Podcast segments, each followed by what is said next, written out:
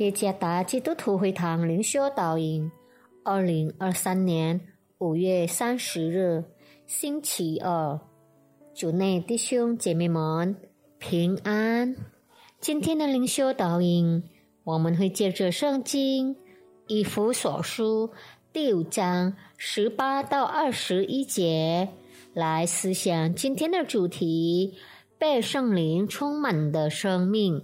作者。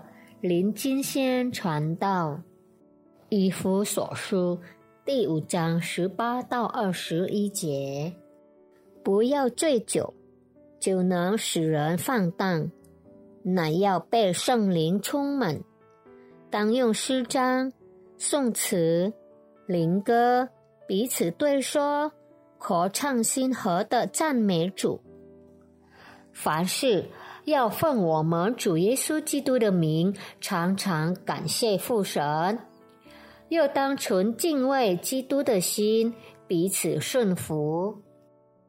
醉酒的人，就是受酒精影响所控制的人，被他身外的力量所控制的人。因此，本来害羞的，现在变得不知羞耻。之前是懦弱拘谨的，现在变得鲁莽。一个醉酒的人的生命，只是追求肉体上的享乐。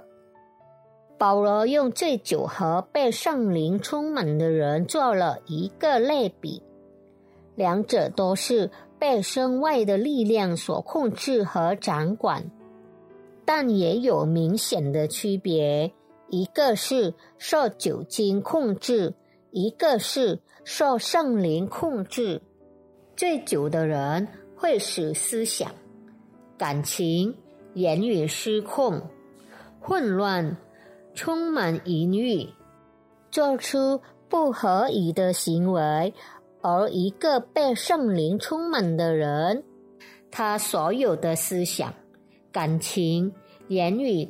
和行为都受圣灵的管辖和引导，他将活在基督的意中，言语行为都由圣元管辖，并荣耀神。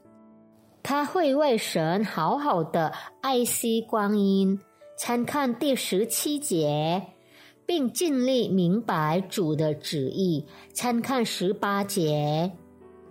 除此之外，被圣灵充满的人总是充满喜乐，凡事感恩、谦卑。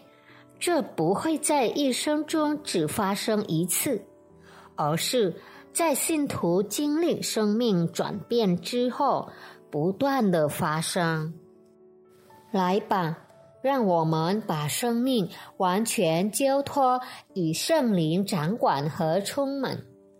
当圣灵掌管我们的生命时，他就是引领生命脚步的那一位。作为信徒，我们所经历的被圣灵充满的生命，将带领我们在属灵上成长到成熟，并培养出基督的品格和讨他喜悦的行为。被圣灵充满的生命，将培养出讨神喜悦的品格。愿上帝赐福大家。